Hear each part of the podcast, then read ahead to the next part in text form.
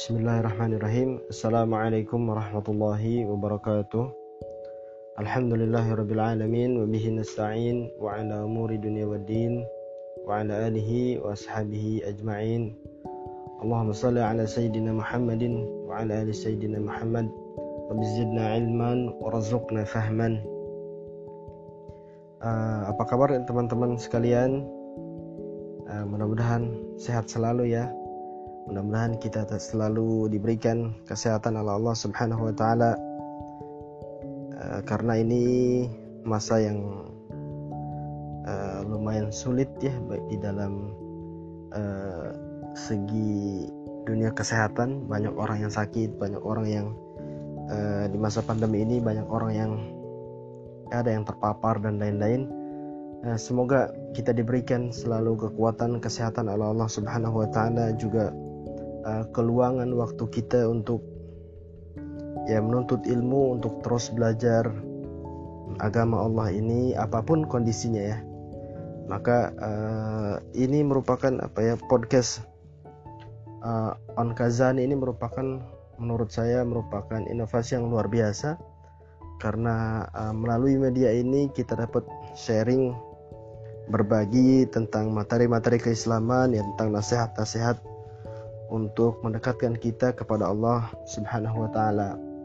Maka eh, dalam kesempatan kali ini saya diminta untuk berbicara tentang ya untuk sharing saling menasihati tentang eh, mahabbah kepada Allah Subhanahu wa taala atau cinta kepada Allah Subhanahu wa taala.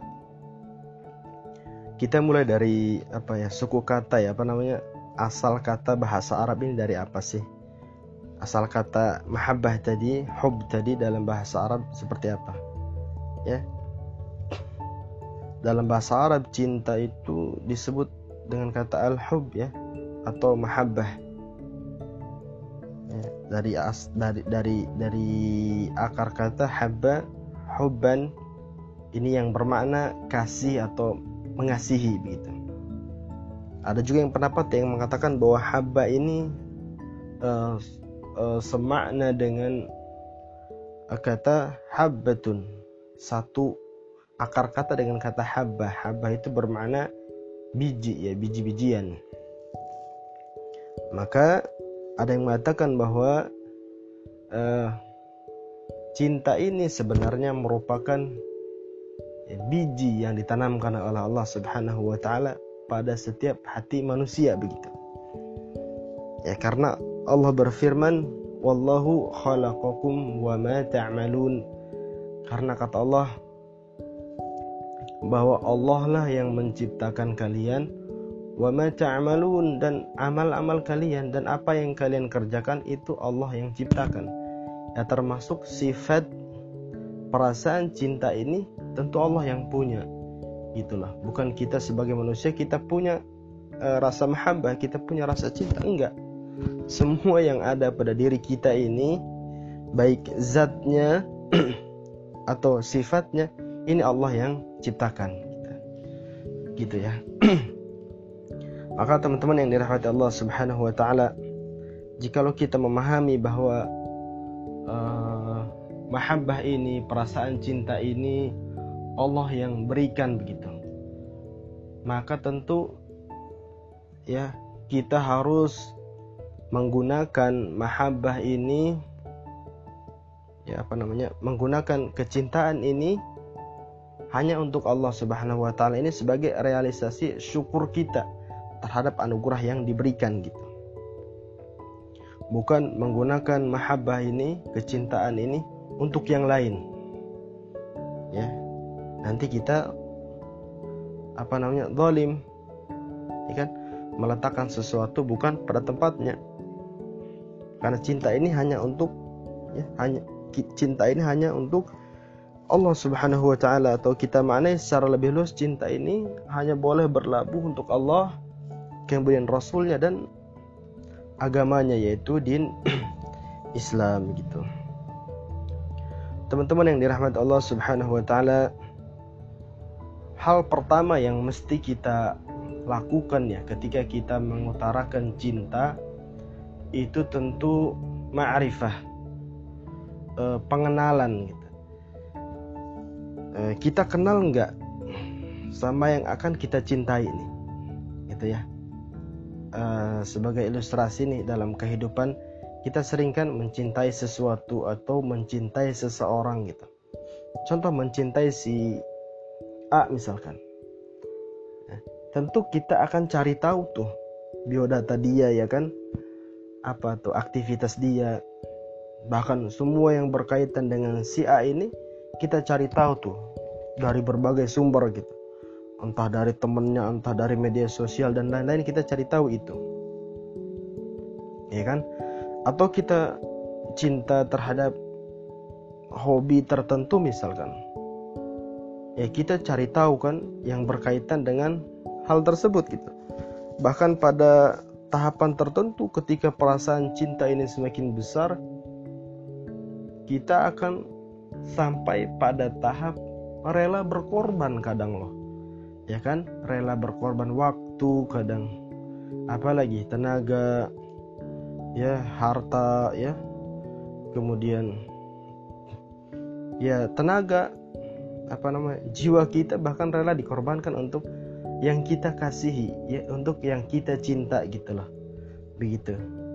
Nah begitu ya jikalau kecintaan kita kadangnya terhadap makhluk saja bisa seperti itu maka kecintaan kita, mahabbah kita terhadap Allah sang pemilik mahabbah tersebut maka harusnya lebih dong harusnya lebih ya kan karena Allah yang memiliki mahabbah jangan sampai kebalik gitu mencintai makhluk melebihi kecintaan kepada Allah kepada Rasul dan kepada dinnya ya ini merupakan sesuatu yang sesuatu yang zalim, sesuatu yang eh, penempatan bukan pada suatu tempatnya. Ya, naudzubillah min zalik.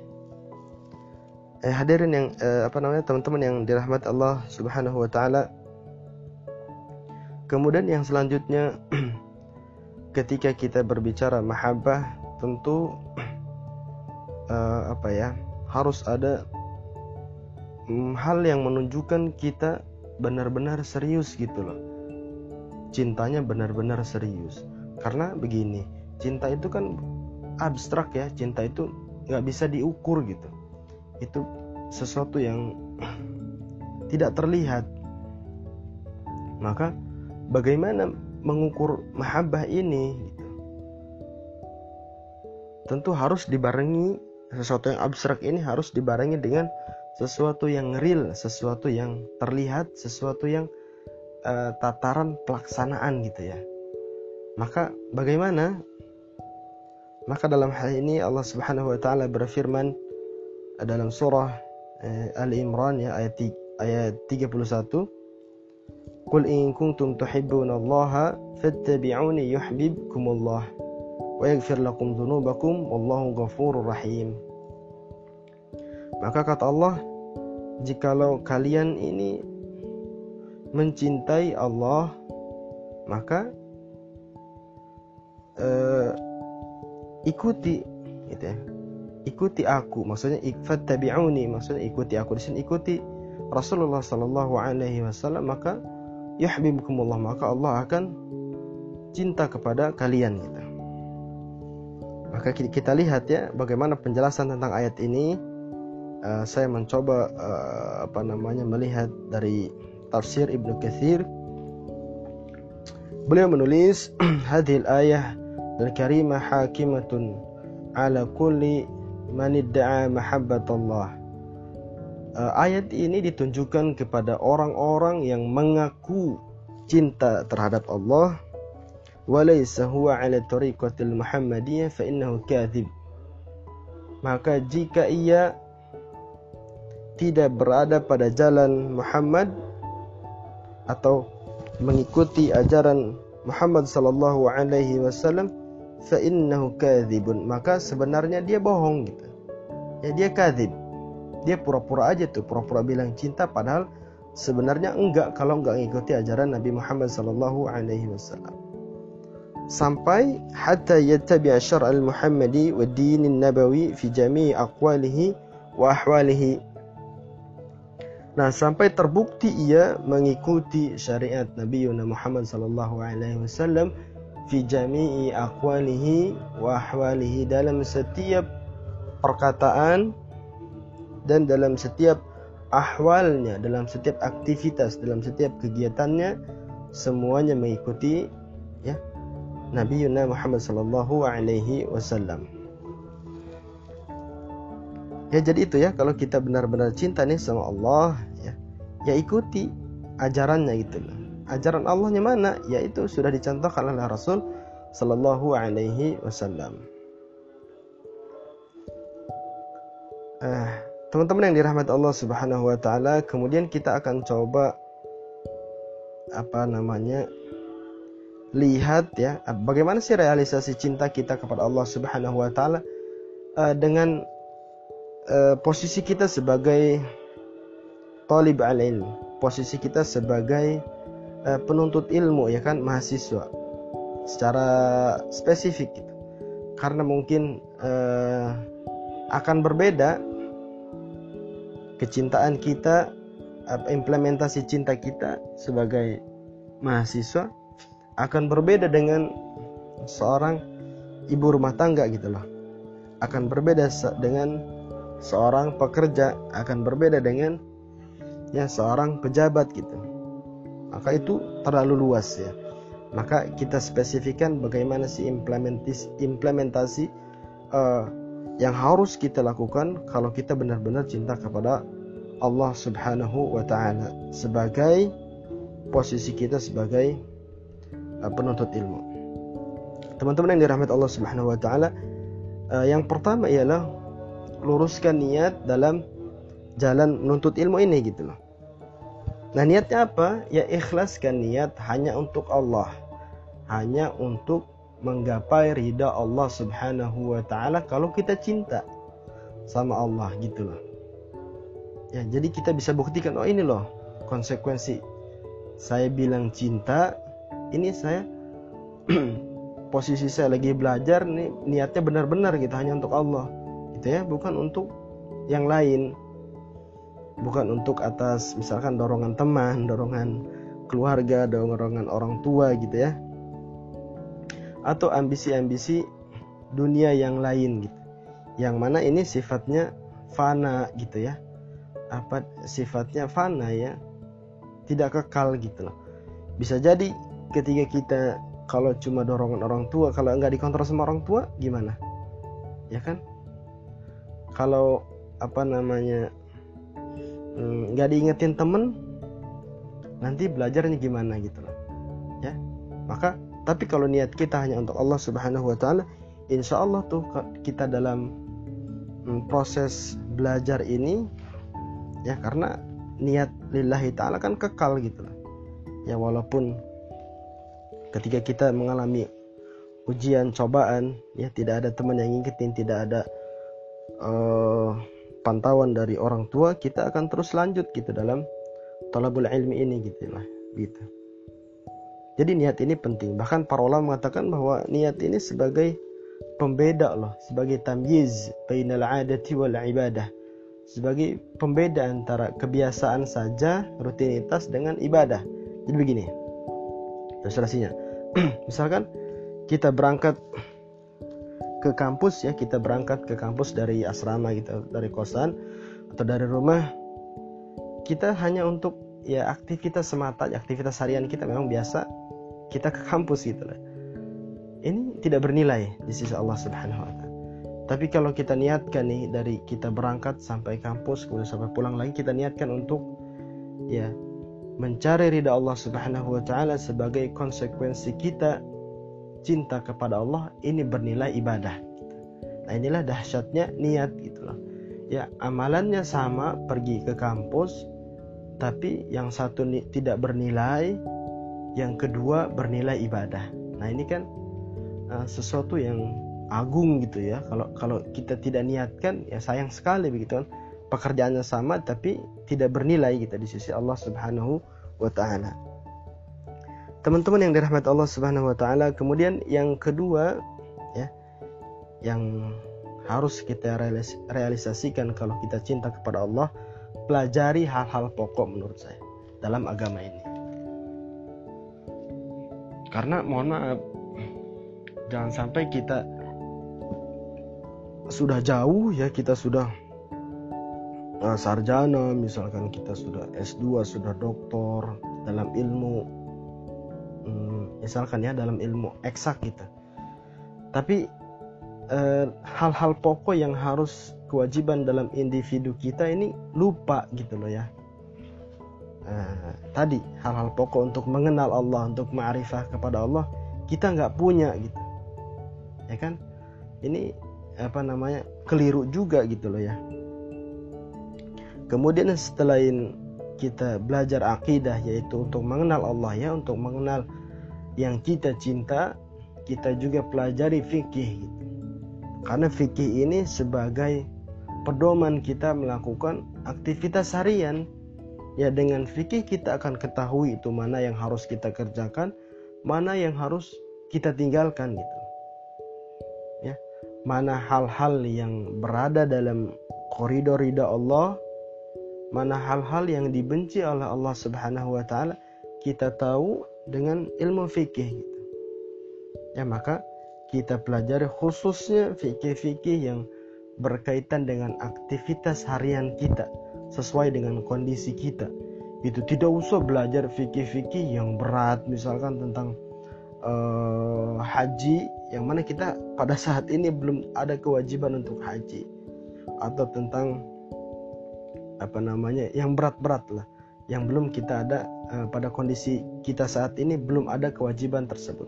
Tapi kalau hal-hal yang bersifatnya kita sudah wajib melakukan hal tersebut seperti toharah ya, salat, puasa dan lain-lain, nah ini harus kita kuasai gitu. Karena ini berkaitan dengan hal kita pada saat ini gitu. Itu ya teman-teman, kita harus pelajari hal-hal usul ya akidah dalam agama ini, kemudian fikih terapan yang sesuai dengan kondisi kita saat ini. Itu harus kita ketahui kalau kita cinta kepada Allah Subhanahu wa taala, ya, kita pelajari itu. Kita pelajari ma'rifatullah supaya kita kenal dengan apa yang kita cintain, ya, dengan apa yang kita cinta, yaitu Allah Subhanahu wa taala. Kemudian kita pelajari fikih, ya. Fikih ini kan pedoman ya, pedoman ibadah, pedoman aktivitas harian kita gitu. Nah itulah teman-teman yang dirahmati Allah Subhanahu Wa Taala uh, hal-hal yang uh, apa namanya yang harus kita realisasikan kalau kita cinta kepada Allah Subhanahu Wa Taala.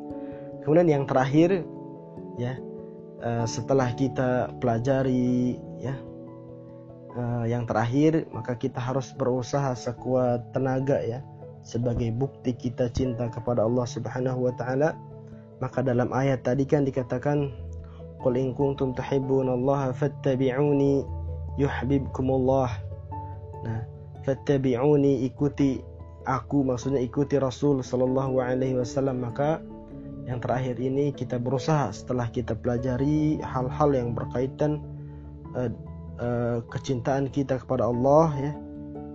Kita berusaha aplikasikan dalam semua kehidupan kita kita berusaha sekuat tenaga mengikuti Rasulullah Sallallahu Alaihi Wasallam, mengikuti sunnah Rasulullah Sallallahu Alaihi Wasallam, menjalankan perintah Allah Subhanahu Wa Taala, menghindari larangan yang menghindari sesuatu yang dibenci oleh Allah Subhanahu Wa Taala dalam setiap aktivitas harian kita, gitu. Ya, Insya Allah. Nah inilah teman-teman yang mungkin yang bisa saya sharing, ya saya mohon maaf nih apabila ada kata-kata yang salah ya. Ada kata-kata yang mungkin pemilihan kata yang kurang tepat yang mungkin uh, bisa menyinggung hati atau tidak nyaman bagi teman-teman sekalian. Kemudian saya juga berterima kasih atas kesempatan yang sangat berharga ini ya saya pertama kali sharing di podcast ini ya terima kasih. Ini merupakan pengalaman yang berharga sekaligus ya kita apa namanya saling nasihat menasehati dalam kebaikan itu mudah-mudahan ini bermanfaat bagi teman-teman sekalian ya uh, saya tutup terima kasih. Saya mohon maaf, mohon pamit. Assalamualaikum warahmatullahi wabarakatuh.